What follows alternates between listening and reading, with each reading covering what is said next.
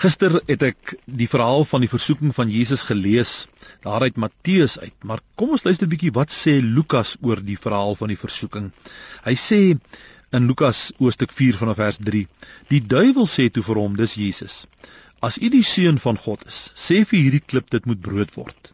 Maar Jesus antwoord hom: Daar is geskrywe: 'n mens leef nie net van brood nie. Daarna bring die duiwel hom op 'n hoogte en wys hom in 'n oogwink al die koninkryke van die wêreld.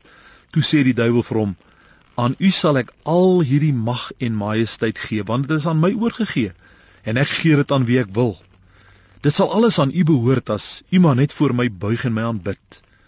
Daarop antwoord Jesus: "Daar staan geskrywe: Die Here jou God moet jy aanbid en hom alleen dien." Hierna neem die duiwel hom na Jerusalem toe en laat hom op die hoogste punt van die tempel staan en sê: "As jy die seun van God is, spring hier af. Daar staan mos geskrywe: Hy sal sy engele opdrag gee om jou te beskerm en ook op hulle hande sal hulle jou dra sodat jy jou voet teen 'n klip nie sal stamp nie." Maar Jesus antwoord hom: "Daar is gesê: Jy mag die Here jou God nie op die proef stel nie." Wil jy moet vandag besef dat in in die stryd van die lewe, in die loop van die lewe, in versoekings moet ons nooit oorgerus raak nie. Moenie dink die duiwel sal jou noodwendig net op jou swakpunte aanval of versoek nie. Hy het die feit in gedagte gehou dat Jesus die mag het om klippe in brood te verander. Natuurlik kon Jesus dit doen. En natuurlik sou engele vir Jesus kon vang as hy van die tempel se hoë muur afspring. Ja, die Satan kan en hy sal jou swak plekke uitbuit maar hy val ons ook dikwels aan juis daar waar ons dit nie verwag nie, in die dinge waarin ons sterk staan.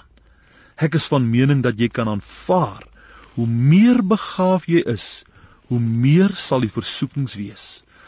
Ongelukkig blyk dit ook in die praktyk dat die meer bevoorregte en begaafde mense meer dikwels in verleentheid en skande beland omdat hulle nie rekening hou met die verleidende mag van Satan nie moet ook nie die fout maak om te dink dat die duiwel jou sal los as jy een versoeking afgeweer of weerstaan het nie.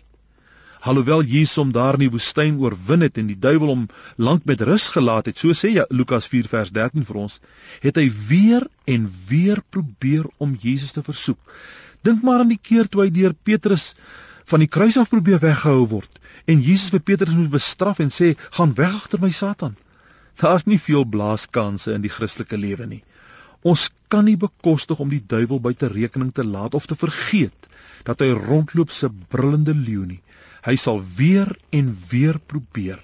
Maar van een ding kan jy altyd seker wees. Die een wat self versoek is, weet waartoe hy gaan en hy's daar om aan jou die oorwinning te gee. Here, help my om die versoekings van die Satan betyds raak te sien en te vermy. Amen.